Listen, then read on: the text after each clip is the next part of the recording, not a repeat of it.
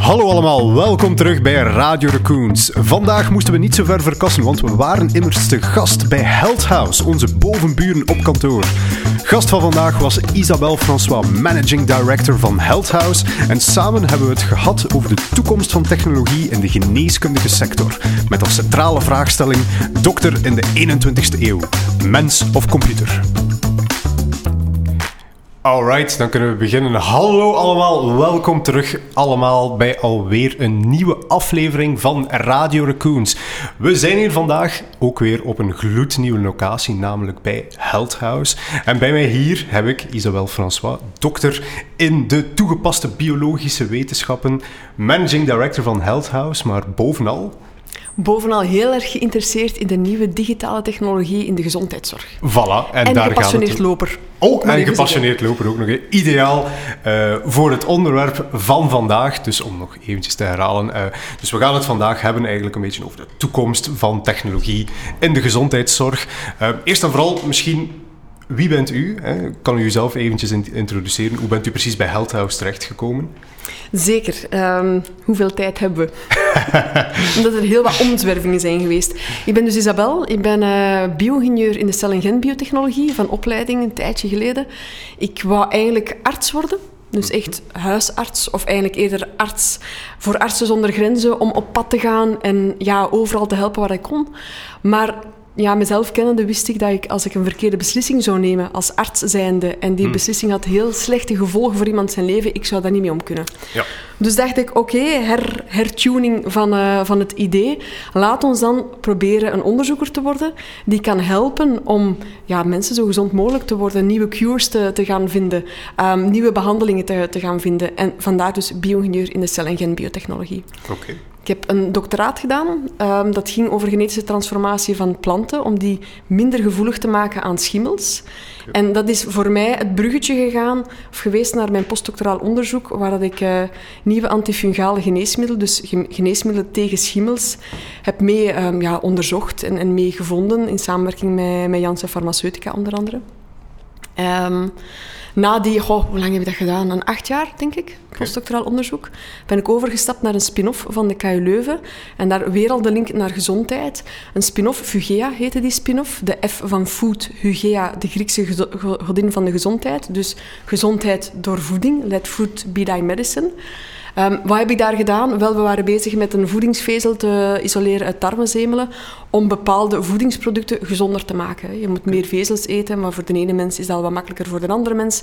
Dus als je een voedingsvezel kan introduceren in een voedingsproduct dat alomtegenwoordig is, kan je dat zo gaan helpen om ervoor te zorgen dat meer mensen dat gaan eten. Ik heb daar klinische studies gedaan met die voedingsvezel. Wat dat heel interessant was, om te kijken hoe dat je een gezonde mens eigenlijk nog gezonder kan, kan maken dankzij die voedingsvezels. Maar na vier jaar um, ja, werd het uh, bedrijf opgedoekt. Wel, opgedoekt is niet het juiste woord. Is gans de IP, dus alle patenten, overgenomen door een ander bedrijf.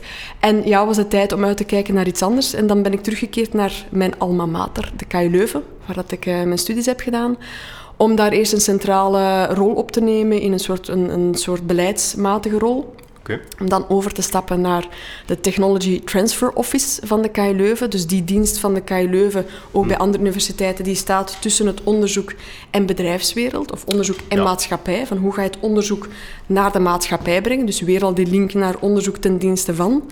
U, u moet dus de academici overtuigen dat er op een bepaald moment ook geld moet verdiend worden. Ja, geld, geld kan verdiend worden dat je dan weer kan gebruiken om bijkomend onderzoek te doen. Dus ten goede, ten goede van, van het onderzoek. Hm en van de maatschappij. Win-win situatie. maar na 2,5 jaar, ik heb daar ook patenten geschreven, kwam de positie hier binnen Heldhouse uh, vrij. Mhm. En ik kende Heldhouse een beetje, ik heb dat zo altijd een beetje uit mijn ooghoeken gevolgd, dit, dit initiatief. Ik was er heel erg door, door gecharmeerd, omdat ik ook wel geloof in ja, wat Heldhouse doet. En Heldhouse is een belevingscentrum waar dat we de toekomst van gezondheid en gezondheidszorg naar de mens willen brengen. Dus dat geloofde ik wel. Daar geloof ik echt in dat dat nodig was. En voilà, ik heb gesolliciteerd op deze functie en hier ben ik. Oké, dus ja, ook de locatie voor de mensen die op YouTube zouden kijken. We bevinden ons hier in een ja, iets wat futuristisch ogend uh, decor, zeg maar. Ook de beelden achteraf uh, hebben we hier een aantal, ja, een aantal shots kunnen maken mhm. van, van de vele ja, zaken die er hier te bezichtigen zijn.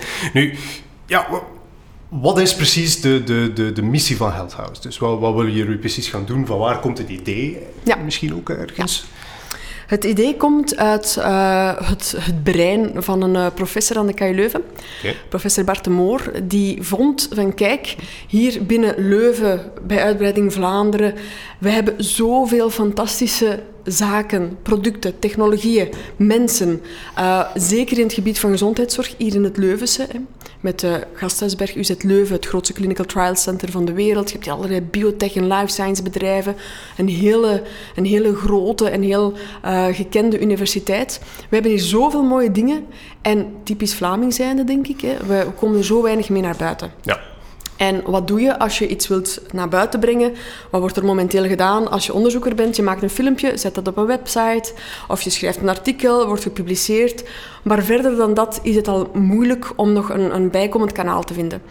Dus het idee was toen van, kijk, als we als kanaal een locatie zouden hebben, een fysieke locatie, waar je op een heel mooie manier informatie kan, kan brengen. En de informatie is altijd de key. Hè. Die informatie moet wetenschappelijk gevalideerd zijn en heel correct. Maar je brengt op een heel visueel aantrekkelijke manier, hè, zo de strik rond de taart of rond het cadeautje bij wijze van spreken, dan kan je ook al je fantastische zaken naar buiten brengen. En dat was zijn idee. Een fysieke locatie, mooie inhoud, die je kan, een correcte inhoud die je op een mooie manier kan laten zien, zodanig dat je mensen echt kan overtuigen van wat hier allemaal wel, wel niet Ja. is. Met dat idee in zijn, in zijn hoofd is hij gegaan naar een aantal partijen. En dat zijn onze eerste stichtende partners geworden. Dus de stichtende leden van House. Dat is een KU Leuven, UZ Leuven, de Stad Leuven, Provincie Vlaams-Brabant en IMEC. Het zijn de eerste vijf partijen die zeiden van ja, we geloven in dat idee. Dus zij hebben mee geïnvesteerd zodat de Health House kon gebouwd worden. Dus daar het idee, hè. locatie, dingen tonen. Ja. Ehm, wat zijn we van daaruit verder gegroeid? Ehm, we noemen onszelf nu een belevingscentrum. Je krijgt hier niet alleen informatie, ik noem het soms zelfs een 4D-website. Hey, ze ook op de beelden. Je loopt doorheen House, doorheen verschillende lokalen. Je kijkt naar heel wat digitale inhoud, dus een website. 3D, je loopt erdoor. Maar 4D, want je krijgt er een beleving rond. En je komt hier in een groep, het is een groepsbeleving. Je krijgt een virtual reality, je krijgt een 3D-film. Het is echt dus, wat wij een experience noemen. Ja. Dus een belevingscentrum waar dat we heel wat informatie tonen over de toekomst van gezondheid en gezondheidszorg. Zowel van onze stichtende partners, die vijf entiteiten die ik opnoemde, maar daarbuiten ook ehm, alle nieuwe zaken uit ja, globaal wereldwijd. Omdat ik vind als je het hebt over belevingscentrum over toekomst van gezondheid en gezondheidszorg, dan moet je gewoon tonen wat dat er allemaal is out there. Dus, Ja. En dat is wat dat we doen. En, en wat voor gasten komen dan precies eigenlijk naar Ja. hier, naar het belevingscentrum? Dus trouwens, wij zitten in hetzelfde gebouw. Hè. We zijn een beetje eh, gebouwcollega's van elkaar. En ik herinner mij nog de notoire dag eh, waarop wij plots niet meer naar het toilet- toilet mochten. Oh, ja. In ieders geheugen gegrift. Omdat we met een... eh, ja, inderdaad. Dat is eh, heel wat rancune heeft dat veroorzaakt. Helemaal niet waar. Eh, maar, maar dus, omwille van eh, toch wel een, eh, een, een ja, zeer speciale gast. eh, onze koning, die Ja. hier op bezoek gekomen Klopt, is. klopt. Eh, dus een van de gasten is de koning. Wie, wie, dus wat heeft hij hier precies te zien gekregen? En wie komt hier nog allemaal, Ja. zeg maar? Dus eh, wie komt hier allemaal? De koning is inderdaad geweest. Dat was een, een heel fijne, inderdaad speciale, Ik vermoed heel dat koningen dag. niet het standaard publiek zijn die hier eh, zomaar langskomen. Nee, nee, klopt. Eh, wel beleidsmakers. Ehm, maar even terug. We zijn geopend op 18 maart 2018, dus een kleine twee jaar geleden. Hebben al meer dan 10.000 bezoekers over de vloer gehad. En als je kijkt naar gans die poelen van bezoekers, 90, 95 procent daarvan zijn professionals. En dat zijn dan de medische professionals, zoals ziekenhuisdirecteuren, verpleegkundigen, chirurgen, artsen, huisartsen, specialisten enzovoort. Maar ook de farmaceutische bedrijven komen kijken. Ehm, B2B werken we ook met Bedrijven zoals Materialize, dus 3D-printing. Ehm, bedrijven die bezig zijn met artificial intelligence. Met bank, banken en verzekeringswezens. En wat komen die mensen hier eh, bekijken? Wel, ze komen leren over de toekomst van gezondheid en gezondheidszorg. Dus wij tonen de nieuwste trends, de nieuwste technologieën die onze gezondheidszorg gaan vormgeven. Dat is bijvoorbeeld een verhaal. We spreken van verhalen. Dus wij vertellen verhalen. Moet je niet beginnen denken aan sprookjes en, en fictie. Nee, nee, nee. Het is gevalideerde, peer-reviewed content, maar dat wij in een mooie vorm gieten om de aandacht van de mensen erbij te houden. Ik kan een presentatie geven, een PowerPoint-presentatie van anderhalf uur, waarbij dan na twintig minuten ja, de afleiding volledig eh, in, intreedt, uiteraard. Hier binnen Heldhouse, als je die rondleiding doet, dat doe je ook op anderhalf uur à twee uur. Maar door de opeenvolging van verschillende technieken blijf je geboeid en blijf je luisteren. Dus wij vertellen die verhalen over de technologie van de toekomst en mensen komen naar hier om die te leren kennen. Bijvoorbeeld ziekenhuizen komen naar hier om te kijken naar ons verhaal over het ziekenhuis van de toekomst. Als ik een ziekenhuis, als directeur een ziekenhuis wil bouwen of renoveren, wat moet ik in het achterhoofd houden om mijn ziekenhuis, mijn nieuw ziekenhuis of mijn gerenoveerd ziekenhuis futureproof te maken. Daarvoor komen ze hier naar tips en tricks kijken. En dat is dus misschien ook wel een vermeldingswaardig detail. Ehm, dus de, afhankelijk van de personen die naar hier komen, krijgen zij ook een ander verhaal te zien. Ja. Dus in samenspraak met de mensen die langskomen, die zeggen van ja, we zijn geïnteresseerd in technologie, we zijn geïnteresseerd in hospitaal, ziekenhuis van de toekomst, of we willen wat meer informatie over diepe hersenstimulatie, wat een bepaalde operatie is. Ja, afhankelijk van wat zij vragen aan ons om te zien, programmeren wij het geheel. En zorgen wij ervoor dat het juiste verhaal getoond wordt. Ja. Leuk. Nu, ja, de toekomst van technologie. Uh, jullie zijn er min of meer uh, in gedompeld, zeg maar. Wat vindt u zelf misschien uh, een aantal interessante dingen, interessante ontwikkelingen, interessante technologieën misschien, die, ja. die er in de horizon al te zien zijn misschien? Er zijn er heel veel, hè. Ja, um, als, een kleine selectie, zeg maar. de, de deep brain stimulation is ja. bijvoorbeeld al eventjes vermeld ja, geweest. Dus, ja, oké. Okay. Deep brain stimulation is een operatie die, die al bestaat mm-hmm. voor mensen bijvoorbeeld met Parkinson, die um, op een bepaald moment in hun leven redelijk ja, uitbehandeld zijn. Dus de medicatie die ze nemen is niet meer zo, zo effectief. En die mensen staan op dat moment voor de keuze: ga ik toch blijven proberen met medicatie, meer medicatie, combinatie ofzovoort, of ga ik uh, naar die diep hersenstimulatie, die operatie?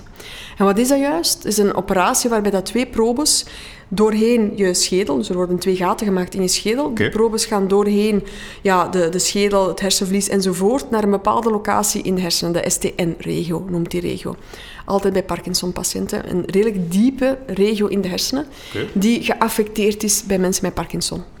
Door de probes daarin te steken en elektrische stimulansen te gaan geven, dus eigenlijk kleine stroompjes te gaan geven, kan men die symptomen, wat heel vaak het be be beven is van, van mensen met Parkinson, of het moeilijk kunnen vormen van woorden, omdat dat ook te maken heeft met ja. spieren in, in, de, in de keel en in de tong, ja, dan kunnen die symptomen opgeheven worden. Is een technologie die al lang bestaat en waar dat men nu ook kijkt naar bijkomende toepassingen, zoals uh, bepaalde mentale zaken, OCD, Obsessive Compulsive Disorder, kunnen ook via diepe hersenstimulatie al behandeld worden.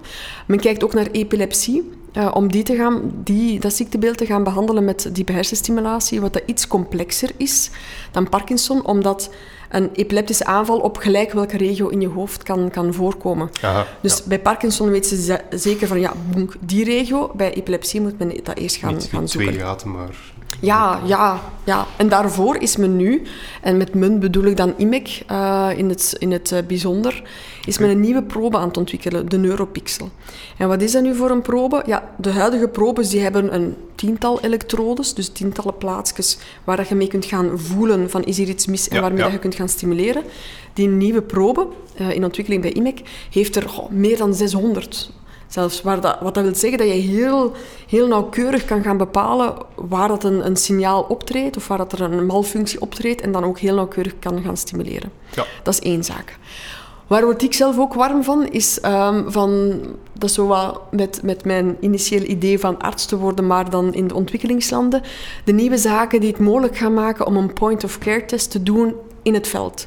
Ja. Dus dat je echt een labo gaat meepakken in, in, je, in je tas, bij wijze van spreken, waarbij je allerhande um, informatie kan, kan gaan verkrijgen van de patiënt in kwestie.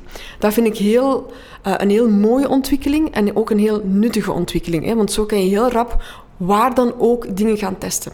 Zo kan je heel rap ook zelf zaken gaan testen. Je kan je eigen gezondheid in, in handen nemen en ja, als je nu je oor te luisteren legt bij alle instanties, patient empowerment, hè, dus echt de, de macht geven aan de patiënt, maar ja. ook de controle geven aan de patiënt, is, is heel, ja, daar spreekt nu iedereen over, ook heel terecht. Wel, met een aantal devices kan je zelf wel je eigen gezondheid gaan monitoren en dus snel ingrijpen. En dat is wel belangrijk, want bij sommige ziektes, hoe sneller dat je kan ingrijpen, hoe beter de kans op, op slagen, op genezing of zelfs niet doorbreken van. Ja. En uh, Een mooi voorbeeld daarvan is een, uh, een klein robotje. En uh, ziet eruit als een bloempot. Ah ja, voilà. okay. U lacht, dat snap ja, ik. Dus de Billy noemt de, de robot. Leuke naam ook. Ja, is een, het broertje van de Zora, zorgrobot noemen wij hem. Van van de, dezelfde makers. En is dus een bloembot um, is uh, een heel aaibaar ding. Hè, want bij een robot denken de meeste mensen toch wel van... Oh, een robot, eh, zoiets akelig in mijn mhm. huis. En dat gaat overnemen. En dat gaat, ja, dat gaat mijn leven overnemen. Wel, daar kijk je naar een kleine bloempot met een fijn gezichtje. Zo'n lachend gezichtje. Maar wat doet dat? Die bloempot voelt hoe dat het zit met de vochtigheid en de temperatuur van de omgeving. Dus stel, eh, je oma woont thuis alleen, is heel, heeft heel wat heeft groene vingers, gaat altijd de plantjes goed verzorgen, maar vanaf een bepaald moment ineens is dat minder. Ja. Wel, die bloempot gaat dat detecteren en gaat een signaaltje uitsturen van let op, er is hier een verandering in patroon. Zou kunnen wijzen op een mentale achterstand of een, een mentale degradatie die gaat optreden. En kan je daarbij zijn. Ja, dus, dus ja, een soort sociale, sociale robot, medische robot dan eigenlijk, die, die ook andere mensen moet in de gaten houden. Oké, leuk. Um, nu, goh, ja, veel dingen die brain stimulation, eh, het doet mij ook denken, ik heb er destijds nog YouTube-filmpjes van gezien van mensen uh, met Parkinson. Ze kunnen dat blijkbaar ook aan en uitzetten. De stimulatie uh, afzetten en aanzetten. zeker, zeker de moeite waard om dat eens op YouTube te gaan opzoeken. Van, Dat is uh, serieus zware gevallen mensen die bijna niet meer kunnen functioneren en die dan een knopje aanzetten en echt, echt ook mentaal kalmeren, zeg maar. Van, ja, absoluut. Van de... Ik vind dat heel emotioneel om, om te zien. Ja, ik word daar heel emotioneel van. Vond dat, ik vond dat ook wel pakkend om te zien. Nu, dat, dat is... Ja, allez, eh, zeker en vast fijn om te horen ook dat daar andere oplossingen voor worden gezocht. Het doet ook een beetje denken aan wat Elon Musk eh, met Neuralink aan het proberen is. Dus die is daar ook best geïnteresseerd in, maar dan met een ja, nog veel futuristischer uh, doel voor ogen, uh, lijkt mij. Namelijk om, om ja, hoge bandbreedte communicatie tussen onze computers en ons brein mogelijk te gaan maken. Ja, en, en objecten, hè, dat je dingen kan aansturen door gewoon te denken. Wat dat heel mooie mogelijkheden heeft, hè, absoluut. Um, wat, stel, je, je, je hebt geen handen niet meer en je kan dan toch, of geen armen meer, en je kan dan toch een machine aansturen die jou kan helpen met, met eten maken bijvoorbeeld, of met, met drinken. Heel, heel, heel fantastisch. Ik denk dat ze dit jaar ook beginnen met de eerste echte klinische studies op mensen. Daar, uh, ja, daarmee. Ze hebben al een aantal dingen gedaan op, op ratten. Ja, inderdaad. Maar dus dat nu echt met, met mensen begint. Um, we gaan daar heel veel uit leren. Hè. Ook het, die, die sensoren, hele kleine sensoren, die zullen ingeplant worden kan heel veel, echt heel veel kennis uit opdoen. Maar, en dat is iets, een bezorgdheid die ik, en niet alleen ik heb, um, niet alleen omtrent zijn technologie, of mm die Neuralink-technologie, maar ook in het algemeen de ethische vraagstelling er rond. Ja, het is wel dus stevige natuurlijk. Het is een heel stevige vraag die wij merken. Ik vertelde het al, we hebben al meer dan 10.000 bezoekers over de vloer gehad. Als er één vraag telkens opnieuw terecht naar boven komt, is het, gans, het ganse ethische kader. Ja. Die technologie, allemaal fantastisch, maar wie gaat het inzetten? Wie gaat daarover beslissen? Wat kan er... De, de, voordelen zijn, zijn duidelijk, maar hoe kan je dat ook op andere manieren inzetten? En, en hoe gaan we ervoor zorgen dat die nieuwe technologieën, zoals gezegd niet alleen Neuralink, maar ook andere, dat die ten goede worden ingezet? Um, we laten hier ook in een van onze verhalen zien bijvoorbeeld um, het proberen weg of uit de wereld te krijgen van genetische defecten. Je hebt CRISPR-Cas. Ja. Maar je hebt ook bijvoorbeeld selectie van donorcellen, donoreicellen en donorsperma. Verschillende methodes. Fantastisch doel hè, van die echt heel zware genetische ziektes uit de wereld te helpen. Maar dan krijg je natuurlijk ook de vraag van gaan we, gaan we die ook gebruiken voor als iemand zegt van weet je, ik, uh, ja, zwanger, ga, graag. En voor mij, ik heb nu al twee zonen, het mag voor mij deze keer een meisje zijn. Ja. En zo'n meter 75, tof. Uh, een beetje uh, blond, blauwe ogen, zwarte ogen, whatever. IQ van, oh, wat zou we zetten? Pick Heb je nog een Einstein liggen? Ja, voilà, ja, zoiets. Gaan we daarvoor al die nieuwe technologie gebruiken? Ja, ja, ik denk het niet dat dat de bedoeling is. Maar hoe gaan we ervoor zorgen dat die technologie altijd een goede goede wordt ingezet. Niet alleen ten goede wordt ingezet, maar ook als we kijken naar betaalbaarheid. Hoe, hoe zit het daarmee? Gaan we naar een, een twee snelheden van de gezondheidszorg? Eén voor die lucky bastards die zich alles kunnen veroorloven, het nieuwste, het snelst en direct nu. En dan al de rest die toch recht heeft op een minstens even goede gezondheidszorg. En hoe gaat die balans houden? En dat vind ik, vind ik een heel moeilijke. Ja, dat is uh, zeker en vast onze vorige gast ook, een uh, moraalfilosoof. Die zou er waarschijnlijk een, uh, een, een hele semester aan kunnen wijden aan de vragen die daarbij opkomen. De medische, medische ethiek natuurlijk heel belangrijk. Nu, ja, Healthhouse, we zijn even heel ver gegaan, zowel in tijd als in plaats, eh, naar, naar Elon Musk in de verre toekomst. Uh, maar, maar Healthhouse, u, u, zegt het zelf, is toch wel heel lokaal gegrond ook wel. Hè? samenwerking met de stad Leuven, met mm UZ Leuven, met de KU Leuven. Mm -hmm. komt daar een paar keer in terug. ja, Leuven heeft toch wel een, een, precies een rol te spelen, zeg maar, in het internationaal. Hoe, hoe ziet u dat precies, zeg maar? Ja. Wat, welke rol heeft Leuven te spelen in een ja, internationaal landschap. Eh, ik vermoed China en de VS bijvoorbeeld zijn daar toch wel grote spelers in. Ja. Wat hebben wij te zeggen?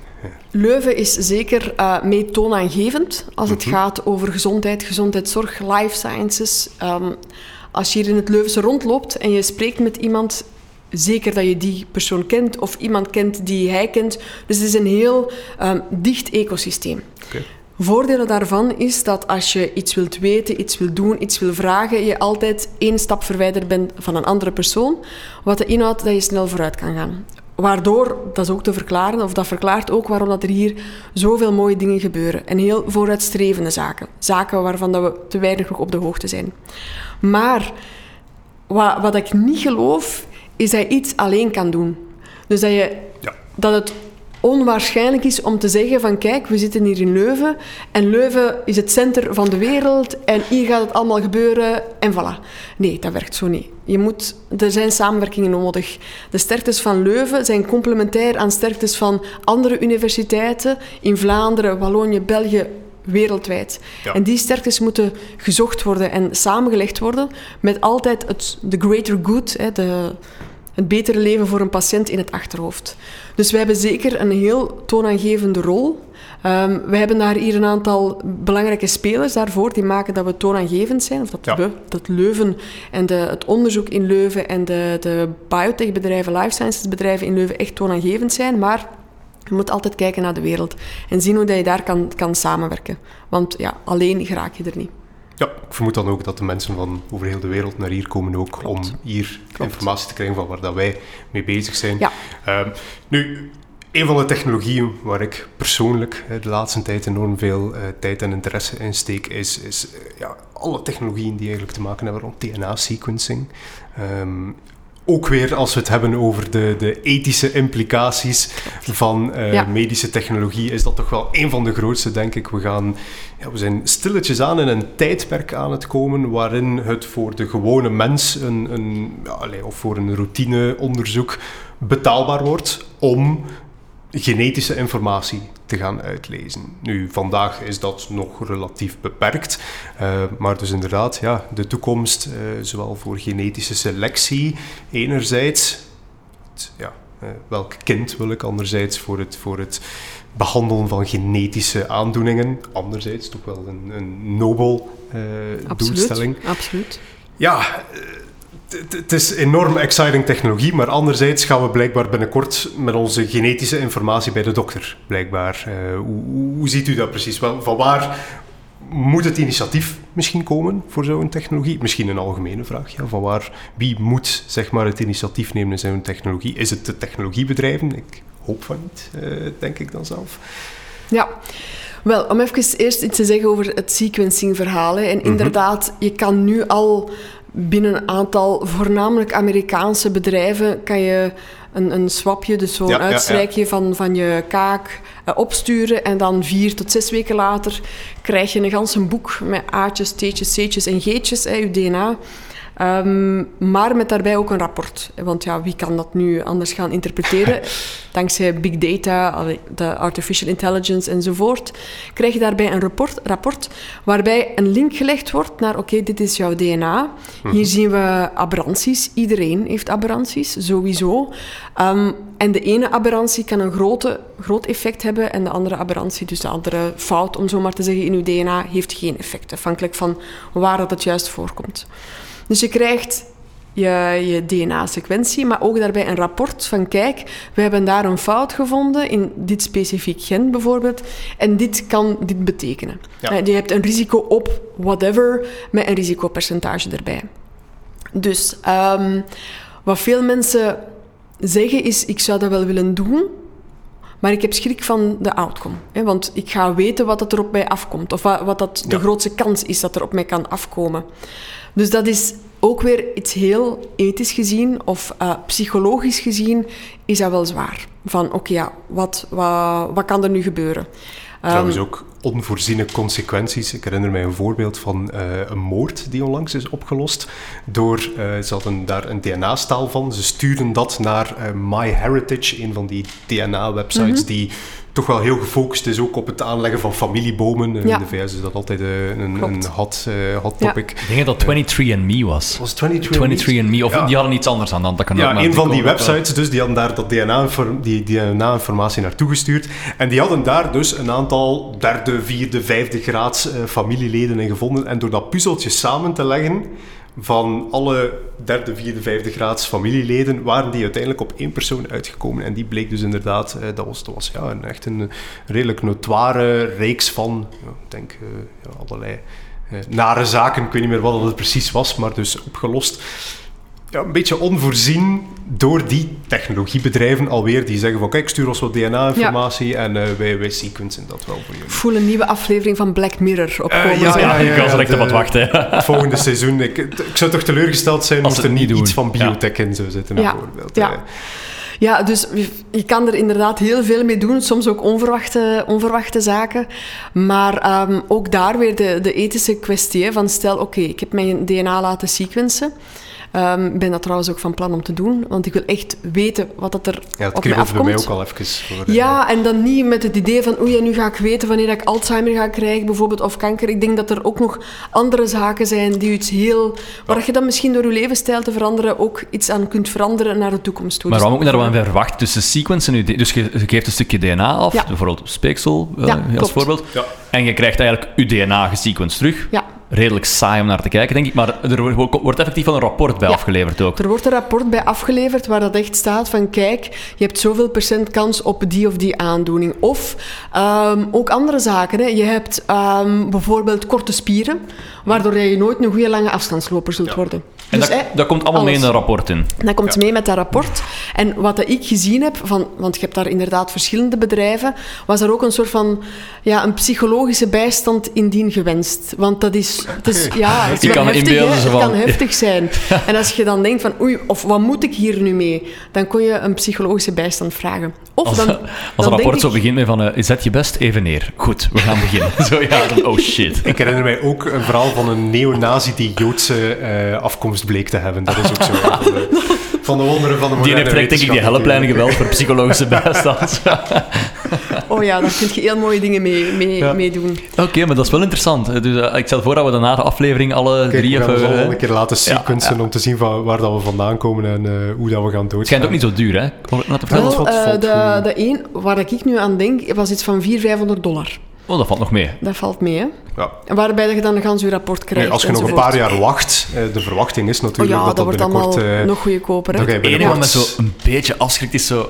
Je DNA naar een vaak Amerikaans bedrijf sturen. De vraag is... Allee, ik weet dat dat heel lullig overkomt, want wat zijn ze ermee? Maar langs de andere kant het is toch zo... Wel, Wel ik herinner mij één... Uh, Allee, wat zijn ze ermee? Er was heel een veel website mee, die het een pak goedkoper Ja. of zelfs Maar ze gratis zeiden deed. het wel gewoon, Maar dan zijn ze waarschijnlijk data. van, Ja. eh, wij gebruiken dan wel uw data voor... Ja. Ja, je moest, het enige wat je moest betalen was transportkosten of zo. De rest was allemaal gratis. Maar we gaan uw data gebruiken voor onderzoek, bla bla bla bla. Ja, dus. Echt, echt wel met een in-your-face waarschuwing van alsjeblieft denk aan de implicaties dat dit kan hebben als je dit laat doen. Ja. Eh, dus uw verzekeraars kunnen aan die data eh, Ja. enzovoort en zo verder. Dus, dus denk hier goed, bezint eer begint, zeg maar. Eh, vond ik wel straf eigenlijk. Dat, Wel, en dat, dat doet me eigenlijk denken aan een eh, reflectiegroep waar ik in zit. Over eh, ja, hoe kan je mensen zo gezond mogelijk en zo lang mogelijk laten leven in hun eigen habitat. Waar ja. dat een habitat dan, dan ook is.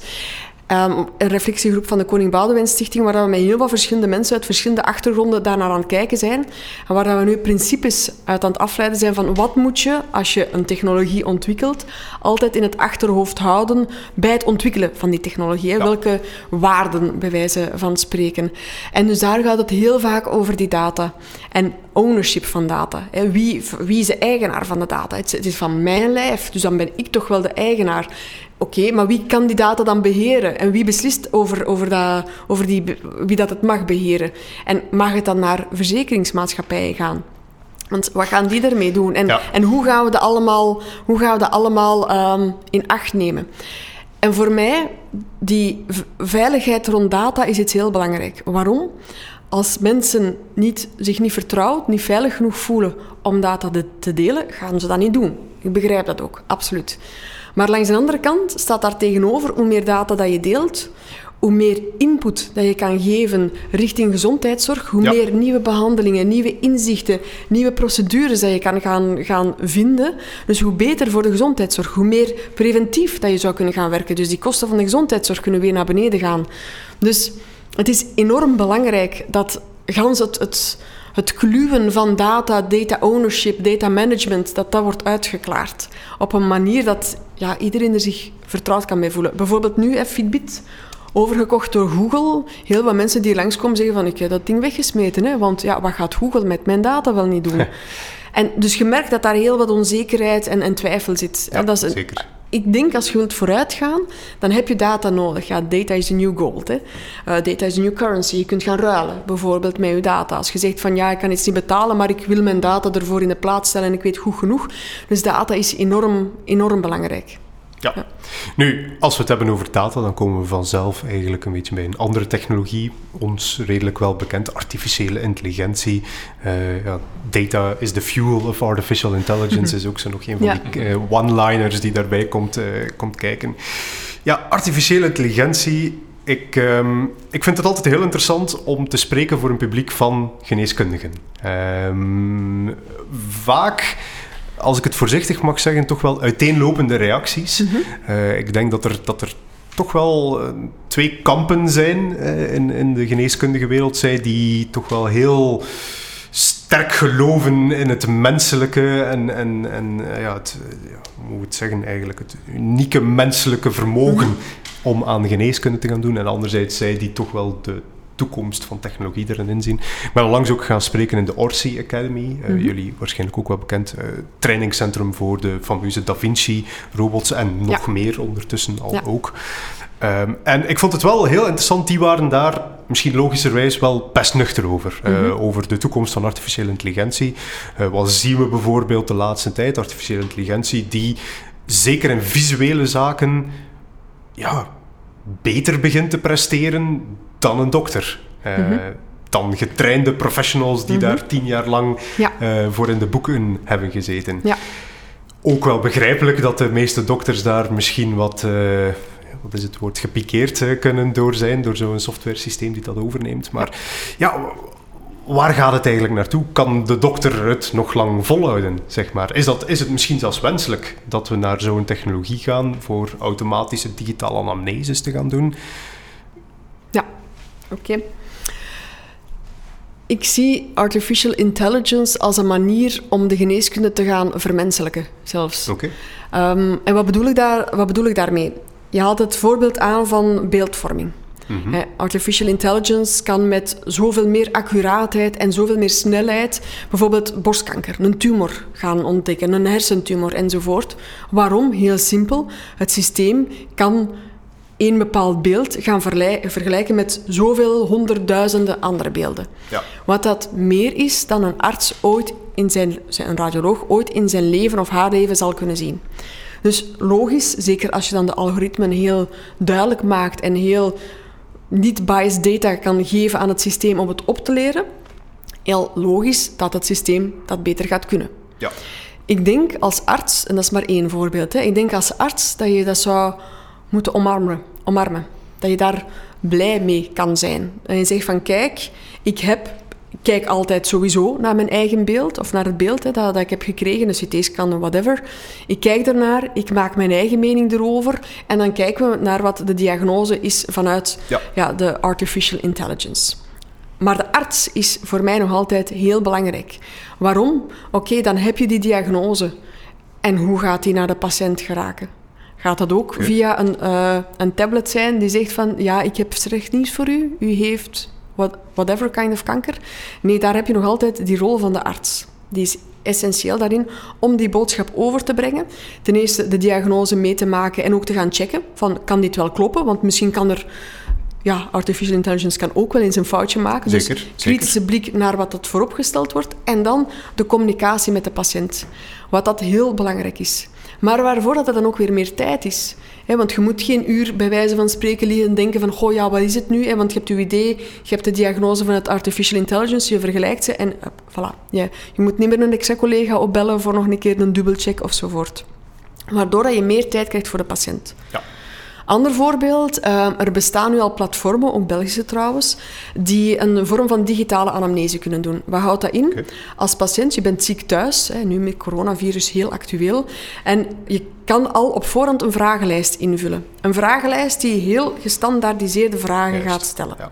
En stel, stel, we hebben nu geen, griep, geen coronavirus, we zitten in het griepseizoen, en stel als huisarts, je hebt tien mensen in je wachtkamer en die zijn allemaal aan het hoesten, aan het niezen, hebben spierpijn en koorts. Objectief gezien zeg je tien keer griep. Hè? Ja. Het is griepseizoen en voilà. Dus een heel terechte, relevante diagnose lijkt mij.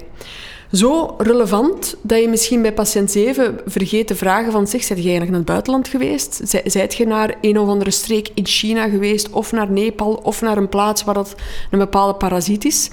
Je denkt van ja, ik heb er al zoveel gezien, het zal wel weer griep zijn. Ik kan mij dat inbeelden dat je dat doet. Ja. Maar dankzij die digitale ana- anamnese, die altijd zal vragen: ben je naar die streek of die streek of die streek geweest? Als die persoon, de patiënt, zegt van ja, ik ben daar geweest, dan komt daar een, een vlaggetje aan. En dan weet die arts van, ah ja, oké, dat maak ik niet vergeten te vragen. Ja. En zo ook daar weer, je krijgt als arts direct een, een, een mooi overzicht van wat dat er is met de patiënt. Dat kan ook in het patiëntendossier gestoken worden. Dus je moet niet meer als je binnenkomt je computer open doen, tak.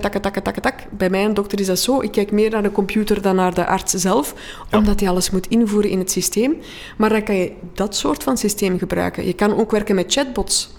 Chatbots die je dan, gelijk een Alexa, gewoon op, op je tafel zet. Je, je praat gewoon met de patiënt, maar die chatbot, dankzij natural language processes, gaat die luisteren en gaat die dingen, keywords horen en ook al mee in een dossier zetten. Dus zodanig dat je als arts ook weer echt tijd hebt voor dat face-to-face contact. Dus vandaar dat ik het zie als artificial intelligence gaat vermenselijken. Maar ik weet inderdaad dat er artsen, heel wat artsen zijn die er een beetje twijfelachtig tegenover staan, maar vooral met het idee in het achterhoofd van ben ik dan nog wel nodig? Hè, ga ik nog wel mijn rol te vervullen hebben in het Ja. ganse gezondheidszorgsysteem? Ga mijn rol niet overgenomen worden door artificial intelligence, door, door een robot, door een tablet, door wh- whatever? En dan ben ik absoluut zeker van van nee, dat gaat niet over. Allee, je rol wordt niet overgenomen. Je krijgt technologie ter ondersteuning, je krijgt meer tijd voor de patiënt, maar je zal dan misschien ook wel meer wat richting psychologie moet, moeten gaan. Dus Ja. misschien de invulling van de rol zal wel veranderen, maar de positie van de arts, van de specialist, die blijft er nog altijd. Heel Wil dat dan zeggen dat we opleidingen ook moeten wijzigen? Enerzijds dat er misschien Ja. meer technologische, innovatieve zaken aan bod moeten komen. Anderzijds ook benadrukt dat het psychologische nog, nog belangrijker wordt. Ik ken de opleiding zelf niet, maar ik kan me inbeelden dat dat ook wel impacterend is daarop. Daar ben ik het helemaal mee eens. Dat eh, zowel het innovatieve, de nieuwe technologieën, eh, als ik spreek met geneeskundestudenten, dan merk ik dat, ik mag ze niet allemaal over één kam scheren, maar dat die toch niet zo'n eh ja, gefundeerde kennis hebben van wat dat er allemaal mogelijk is, als dat je zou verwachten. hè. Je denkt ook nieuwe generatie, die zijn opgegroeid met tablets, met swipen Ja. enzovoort. Die ademen nieuwe technologie. Wel, die opleiding, die, wat, ik al gezien heb, is dat net niet zo. Of kan, kan, het, kan het beter? Dus ik, zal het zo, ik zal het zo zeggen. En ook richting psychologie, ja, ik denk dat daar inderdaad ook nog meer aandacht aan kan gegeven worden. Zijn dat zaken, aangezien KU Leuven een van de, meer van de founding partners is, zijn dat zaken die jullie van het House ook mee adviseren aan de KU Leuven toe? Ja. Want ik kan me dat jullie ook heel veel studenten over de vloer Ja, krijgen. klopt. Ja. klopt. Wij, momenteel is men binnen KU Leuven bezig aan een herziening van eh, de geneeskundeopleiding. En daarvoor heeft men ook naar Healthhouse gekeken om ja, aan te geven van wat zijn nu de nieuwe technologieën die zeker moeten vermeld worden ehm, in, in de opleiding. Dus daar, daar was ik heel blij mee dat men daarvoor, of daar met die vraag naar, naar Healthhouse is gekomen. En naar andere partijen ook, mag ik hopen. Zodat er een heel mooie blik komt op van ja, wat moet er nu nog bij komen? Wat moet er nog aangepast worden? Ja, want ik kan me inbeelden als die studenten hier over de vloer komen en die zien hier de digitale snijtafel, dat die uh, hun opleiding wel een, een, pak makkelijker of aangenamer geweest was als ze het zo hadden kunnen voorstellen. Dus een Absoluut. aanrader voor iedereen. Want misschien even tussendoor, de, de ruimtes zijn ook af en toe beschikbaar voor het brede publiek. Klopt dat? Dat klopt, dat klopt. Elke derde donderdagavond van de maand hosten we hier wat we noemen een Public Thursday. Ja. Dus dan kan je als particulier inschrijven en kan je een van onze verhaallijnen uh, komen bekijken. Oh. Uh, en we tonen, ja, je kan dat vinden op onze website, welke verhaallijn op welke dag doorgaat. Fantastisch, dus uh, bij deze alvast een aanrader. We hebben het zelf al meermaals gezien en het blijft wel mindblowing. Dus, ja, oké, okay, cool. Ja. Ik wist, niet, ik niet dat de gewone man hier ook binnen mocht. de maar absoluut. Zelf, zelfs uh, met die Public Thursdays, maar ook anders. Hè, als je wat, wat, doen wij? Wij geven rondleidingen voor groepen van mensen.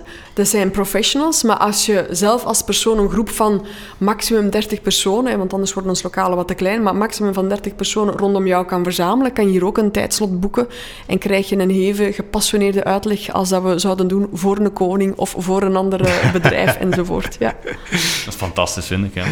Nu, op vlak van opleiding, uh, mijn, persoonlijke voorspelling uh, daar rond is dat we een beetje in twee richtingen uit gaan gaan. Zeg maar, de, enerzijds de meer onderzoeksminded dokter die, die echt wel met ja, zeer gespecialiseerde dingen bezig is. En dan anderzijds naar, en ik, ik, ik ga hier eventjes ketterij gaan spreken, naar, naar een soort samensmelting van een verpleger en een dokter, die dan zeg maar instaat voor het patiëntencontact en, en een one-man shop kan zijn, ondersteund door artificiële intelligentie, die dan ja, eigenlijk de anamneses kan doen die vroeger mhm. door twintig verschillende specialisten uh, gedaan werden. Dat is, dat is de, de persoonlijke visie. Maar ja, de, de, de kruising dokter-verpleegkundige, dat is... Dat is, dat is uh, Ik denk als er uh, dokters zijn die dit aan het luisteren zijn in de auto, dat die nu 180 op de autostrade rijden zijn uit, frustratie, David. Dus moesten jullie luisteren, rustig, ja. rustig. ik, ik, ga vijanden maken in de medische wereld, ik weet het. Ik, ik, weet het nu al meteen.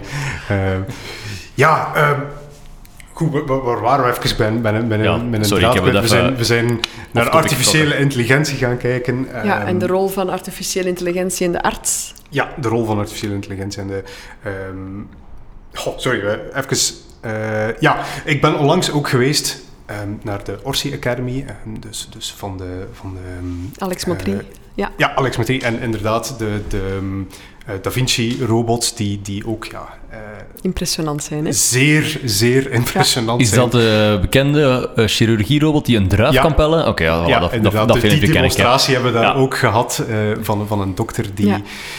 Ja, maar als, als chirurg... Um, allez, ik denk eigenlijk als gewone chirurg, als, als de gewone chirurg die nog met zijn handen uh, moet, moet, moet of, ja, werken die kijkt er toch misschien wel een beetje op dezelfde manier naar, naar als een gewone dokter naar een AI-systeem, lijkt me dan.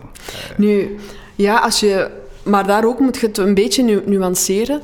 Robotchirurgie zal niet, zo, zal niet gebruikt worden voor elke chirurgie. Voor mhm. Bepaalde chirurgische ingrepen is robotchirurgie zelfs niet beter dan, of niet accurater of sneller dan de menselijke, de menselijke handen. Dus en daar, daar is men bij Orsi ook wel heel nuchter in. Van kijk, ja, voor sommigen zeker wel, maar voor anderen kan je evengoed gewoon zelf doen. En waarom zou je dan een enorme dure technologie inschakelen mhm. voor iets dat je als chirurg zelf minstens even goed kan, kan doen? Dus daar ook weer ja, een, een soort nuance van kijk gewoon naar welk type van, van chirurgie dat je, waar dat je mee bezig bent. Bij sommigen zeker wel, bij anderen niet. Maar als het ten voordele is van de patiënt, dan ben ik ervan overtuigd dat je die technologie moet inzetten die het beste is voor de patiënt. Ja. En dat dat, laat dat onze standaard zijn, waar dat we alles uh, aan afmeten. Ik vind dat ook een mooi voorbeeld van wat je daarnet zei, van dat het aanvullend is. Want voor zover ik me herinner, is de machine toch nog steeds bediend door de mens. Het is niet die volledig... Ah, wel, dus dat is toch eigenlijk het perfecte voorbeeld van technologie die juist versterkend werkt. Er, er, waren toch ook al een aantal... Ja, er kunnen al ah, uh, autonoom werken. Ja. Dan is het... Maar ja, meest standaard is het inderdaad de, de mens die de, de, de machine bedient. Maar er zijn er wel al een aantal, een mhm. aantal ingrepen die heel autonoom kunnen uitgevoerd worden door een robot. Er is een klassificatiesysteem die heel wat doet denken eigenlijk aan de zelfrijdende auto's mhm. ook. Uh, dus dat, dat gaat van niveau 1 naar niveau 5, gaande van... Uh, kan I don't know, van, van laan veranderen op de snelweg tot volledig zelfrijdend. En die passen ze dus ook toe op uh, operatierobots. Ik herinner me, het, was iets met Blade, iets met hersenoperaties die dan volledig zelf... Um, het stralingpatroon kon gaan bepalen om maximale straling op één plaats te gaan krijgen. Klopt. Ja, toch wel. Uh, ik, ik, herinner me nu ook trouwens het originele punt dat ik daar straks wou maken, dat ik even uh, verdwaald was. Uh, als het aankomt op artificiële intelligentie. Nu, voor mij, ja, het, het competitieve voordeel van een artificiële intelligentie en, en slash het reclamepraatje dat ik er soms bij maak als ik spreek over AI in de geneeskundige sector, is ja, die AI heeft de mogelijkheid om 24 uur 7 met u bezig te zijn. Uh, dus ook de combinatie met die andere technologie mm -hmm. waar men al vaak over spreekt, die wearables, die dan continu data gaan produceren, die continu glucoseniveaus in de gaten gaan houden, hartslagen in de gaten gaan houden enzovoort. Een AI-systeem kan al die data, alle data over de voorbije weken, maanden, jaren in overweging gaan nemen mhm. als ze een anamnese gaat gaan stellen. Terwijl dan mhm. een dokter het soms moet doen met vijf minuten ja. in een consultatie. Klopt, klopt. De continue monitoring die kan gebeuren. Dus, maar als ik dan, als ik even terug mag naar die reflectiegroep van de Koning Boudewijn Stichting waar ik in zit. Um, in een van die, die vergaderingen, daar was ook uh, een huisarts bijvoorbeeld uh, aanwezig. Um, op een bepaald moment ging het over data en datacollectie. En iemand van, van IMEC, dus ook heel pro-technologie uiteraard, die zei van ja, ik moest naar mijn, mijn huisarts gaan voor ik weet niet goed wat. Maar die zei van ik ga uw bloeddruk meten. Hoe? Zegt die persoon. Hoe? is niet nodig. Ik heb hier drie maanden bloeddrukdata in mijn telefoon zitten. Ik zal het even doorsturen. inderdaad, grote paniek bij de huisarts die zegt... Uh, en, en, die persoon van IMEC vertelde dat hij heel verbouwereerd was. Dat die huisarts zei van... Ja, nee, ik moet dat, ik moet dat, ik moet dat niet hebben. Ik zeg, ik nu uw bloeddruk meten.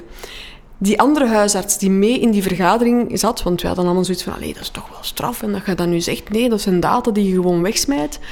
Die huisarts die in de vergadering zat, die zei van ja, maar ik begrijp dat. Want ik zou God niet weten wat ik ermee aan moet. Mhm. Dus omdat men nog vaak denkt van je krijgt hier gewoon een massa van data. En voilà, jij moet zelf nog gaan zoeken. Als je dan uitlegt van ja, maar nee, er gaan algoritmes zijn die dingen gaan flaggen, die gaan aangeven van ja, kijk, hier moet je misschien naar kijken. En jij als huisarts kent de achtergrond van de patiënt. Je kunt dat dan in de juiste correlatie zetten dan, dan is dat een ander verhaal natuurlijk. Maar absoluut, hè, die continue monitoring ook met nieuwe zaken waarbij dat je je babytje als zwangere vrouw vanaf week 20 continu kan monitoren naar hartslag, naar mobiliteit.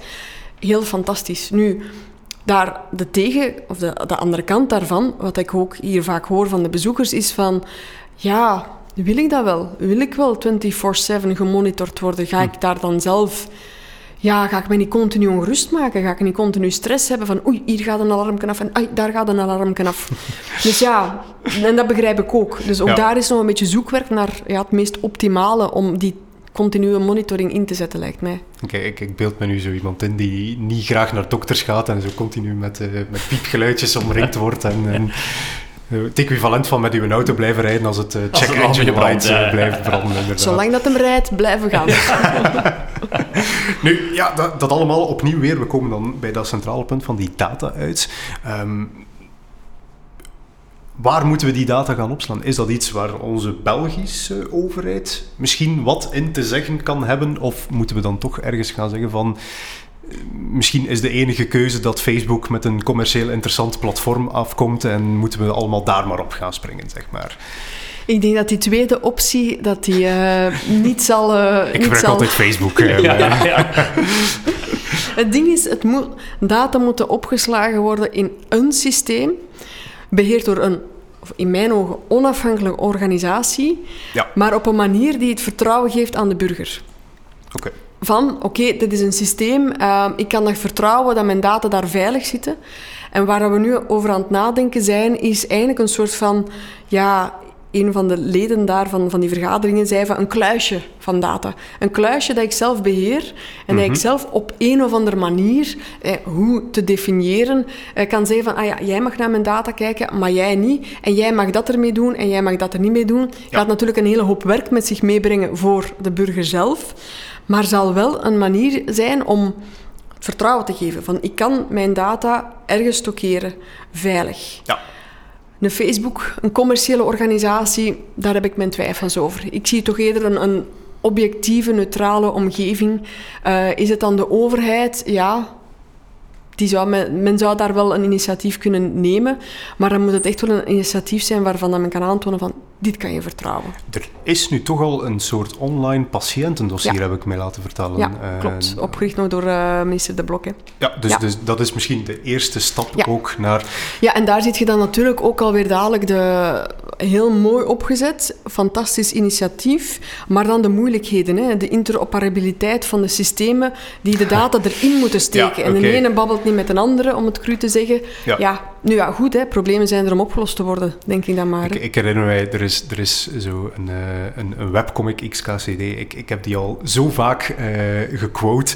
Uh, de situatie is, er zijn tien standaarden.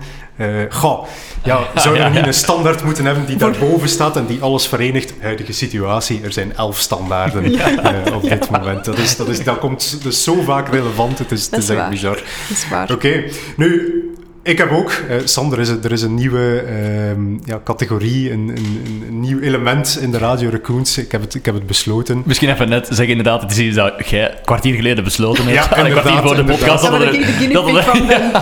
volledig, volledig zelf. Uh, de filosofische uitsmijter van vandaag. Uh, ja. Ik was er gisteren aan aan het denken en ik moest, moest er toch even insteken. ja, een van die technologieën, die toekomstige technologieën, die, waar, waar ik zo toch van droom, zeker omwille van mijn activiteiten met neurale netwerken, is dan de breinprothese. Eh, stel volgend scenario: uh, ik heb in de toekomst een auto-ongeluk en dankzij een wonder van de medische wetenschap, ik heb, ik heb een hersenbloeding en een deel van mijn spraakcentrum werkt niet meer zo goed. En dankzij een wonder van de medische wetenschap kunnen ze dat kleine, enorm klein deeltje, laten we zeggen enkele duizenden neuronen, vervangen door een chipje. Die eigenlijk exact dezelfde functionaliteit uh, vervult. Ben ik nog dezelfde persoon? Dat is de filosofische vraag van de dag. ben je nog dezelfde persoon? Ik zou denken van wel. Hm. En waarom? Dat is een buikgevoel. Ja. Um, het is enkel het spraakgedeelte. Aha dat uh, geaffecteerd werd. Ja. Zodat je het beschrijft. Hè? Ja, dus enkel het spraakgedeelte. Dus voor mij al uw denkprocessen, uw denkpatronen, het aansturen van het spraakgedeelte. Dus wat dat je zegt is wat dat je denkt of wat dat je wou zeggen. Mhm. Voor mij zou je nog dezelfde persoon zijn. Oké, dus er, er, je mocht wel een aantal auto-ongelukken hebben, je mocht een aantal delen van je brein nu laten komt vervangen. Nu komt hij gaat blijven vragen totdat je je vastrijdt. Dat is de catch, dat is de catch. maar komen. Uh, maar dus, ja, er, er, is een deel van het brein die onvervangbaar is. Dan, wel, uh, kijk, ik kan uh, een, een, een, voorbeeld geven uit mijn eigen omgeving. Een okay. van, ja, jammer genoeg. Wauw, ik dacht ik ga in de science fiction heel ver in de toekomst, maar... Nee, om, om aan te geven dat ik begrijp wat dat je bedoelt. Dus een van mijn beste vriendinnen heeft op 39 jarige leeftijd een, uh, een broerte gehad, een CVA. Ja, ja. Um, ze was in het buitenland, heel slechte zorgen gekregen op dat moment. Ze zat in een heel onderbergzaam deel uh, in, in het oosten. Is heel snel teruggekomen naar, naar, uh, naar hier, naar Leuven, behandeld geweest. Maar daar is iets veranderd aan haar. Mm -hmm. ja. ja. Dus je merkt dat um, haar persoonlijkheid dat die veranderd is. Dus ja, zeker. Je kan door allerhande ongelukken, toestanden, pathologieën, kan je mhm. inderdaad een persoonlijkheidsverandering krijgen. Dus van, ik, ik weet, wat, dat, ik weet dat, wat dat je wilt zeggen. Dus er zal zeker een deel zijn van, van je hersenen dat dan het bewustzijn mee gaat vormen. Hè? Ja. Ook al kan niemand echt het bewustzijn gaan vastpakken en zeggen van het daar of het daar of het daar. Dat zeker wel.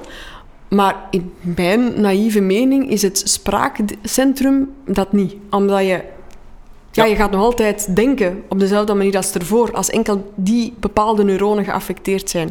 Als er andere geaffecteerd zijn, die dan echt wel voor die persoonlijkheid mee instaan, waar dat, dat dan ook is in je hersenen, en je gaat daar dan een chip insteken, een sensor insteken, iets insteken, ja. En, en, en laat ons zeggen, ik laat om de week eens mijn, mijn brein scannen, dus het, is, het zijn wel degelijk mijn neuronen. Hè? Dus, dus het is... Uh, het is mijn gebiedje hersenen die ze daarin terugsteken, maar dan in een chipje.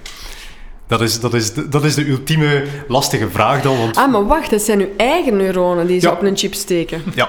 Oh, dat is nog uh, de next level. Ja, dus je laat die, je laat die in de toekomst, hè, is het heel gewoon, je laat die om de zoveel tijd eens scannen, uh, want je weet maar nooit dat je een of ander auto-ongeluk krijgt en, en, en dus inderdaad een, een hersenberoerte zou krijgen. Um, en als er een stukje hersenen verloren geraakt, dan wordt dat simpelweg vervangen door een backup van een weekje geleden. Een chip die dat volledig simuleert. Ja, ja exact dus, hetgeen uh, die, dat je Die verbindt, uh, laat ons zeggen, je bent 100 neuronen kwijt, die verbindt met de neuronen waarmee die 100 neuronen verbonden waren.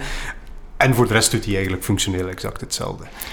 Dat vind ik een heel moeilijke om op te antwoorden. Vandaar de filosofische uitsmijter. Eh, er zijn geen goede vragen in het filosofische uitsmijter. er zijn geen goede antwoorden op David's lastige... Er zijn alleen maar goede antwoorden.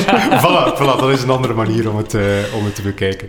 Kijk, dat wil ik er nog even bij steken. Um, ik uh, wil u zeker en vast bedanken voor uw komst hier vandaag. er is nog één ja, rode draad, zeg ja. maar, doorheen het hele verhaal. Dat is namelijk dat we altijd onze vorige gast een vraag laten stellen voor de huidige gast. Mm -hmm hebben het nu vandaag gehad over, uh, ook, ja, sorry, het was niet expliciet aan bod gekomen, maar uh, Kathleen Gabriels, onze vorige gast, had ook gevraagd om te spreken over ja, de rol van het menselijke uh, in, in ja, deze immer technologische mm -hmm. wereld. Ik denk dat dat toch wel -hmm. uh, mooi aan bod gekomen is. Nu, Absoluut. onze volgende gast is uh, Jurgen Engels, als ja, ik mij klopt. niet vergis. bekend van Clear to Pay, dus zeer actief in de fintech-wereld. Ik weet niet of ik nog iets aan het vergeten ben, Sam. Ondertussen groot, een van de grotere VC's in België, denk ik wel, met voilà. SmartFin Capital. En een van de organisators van Supernova, ah, waar jullie ook bij betrokken zijn, heb ik me laten vertellen. Klopt, inderdaad. Ja. ja. Dus heb jij toevallig een vraag die wij aan Jurgen zouden kunnen stellen in onze volgende aflevering. Nee. Dat was Radio Raccoons. Dank u wel voor het luisteren. Dan komt er plots een robotstem over. Zo. Ja. Wel, ik zou willen vragen. Nee, ik heb um, ja, even bedacht als, als ik uh, bij mij gaan voorbereiden toen ik wist van, ah ja, Jurgen Ingels, inderdaad, eh, um, organisator van Supernova, waar de Health House samen met Blue Health Innovation Center curator is van de health-sectie van Supernova, mm -hmm. dus kei tof. Maar um, dan zag ik ineens een artikel waarin hij zei van ja, dat hij echt wel ideeën had gehad ooit eens om een uh, kabinetchef te worden. In, okay. Ja, in de, ja, een van de regeringen. Hè.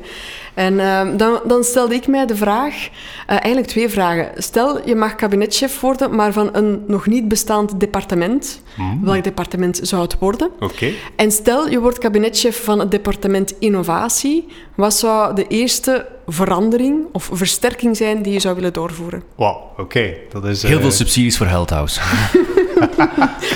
We zullen, mag. We zullen die voorleggen. Bijvoorbeeld, ja. We zullen die influisteren. Alright, kijk, Isabel, bedankt uh, voor uw komst hier vandaag. Bedankt voor het interessante gesprek. Sam, vergeet ik nog iets? Uh, bedankt voor een fantastische rondleiding, want we hebben ja, voor deze opname hier uh, mogen filmen. En ik moet zeggen, ik had het al een paar keer gezien. Deze verhaallijn nog niet. Super interessant. Ehm, we gaan die versneld achteraan deze opname op YouTube plaatsen. Maar zoals aangehaald, er zijn hier dagen dat iedereen kan komen kijken. Elke derde donderdagavond van de maand. Voilà, fantastisch. we zullen de website en zo ook zeker delen. En dan zou ik iedereen aanraden om zeker eens langs te komen hier, want het is wel echt een een eye-opener. Voilà, Heldhouse David. de mensen die op YouTube kijken, David ging fantastisch aan de kant, zodat het Heldhouse logo perfect zichtbaar was. Mooi zichtbaar op voilà, fantastisch. Dankjewel. Goed.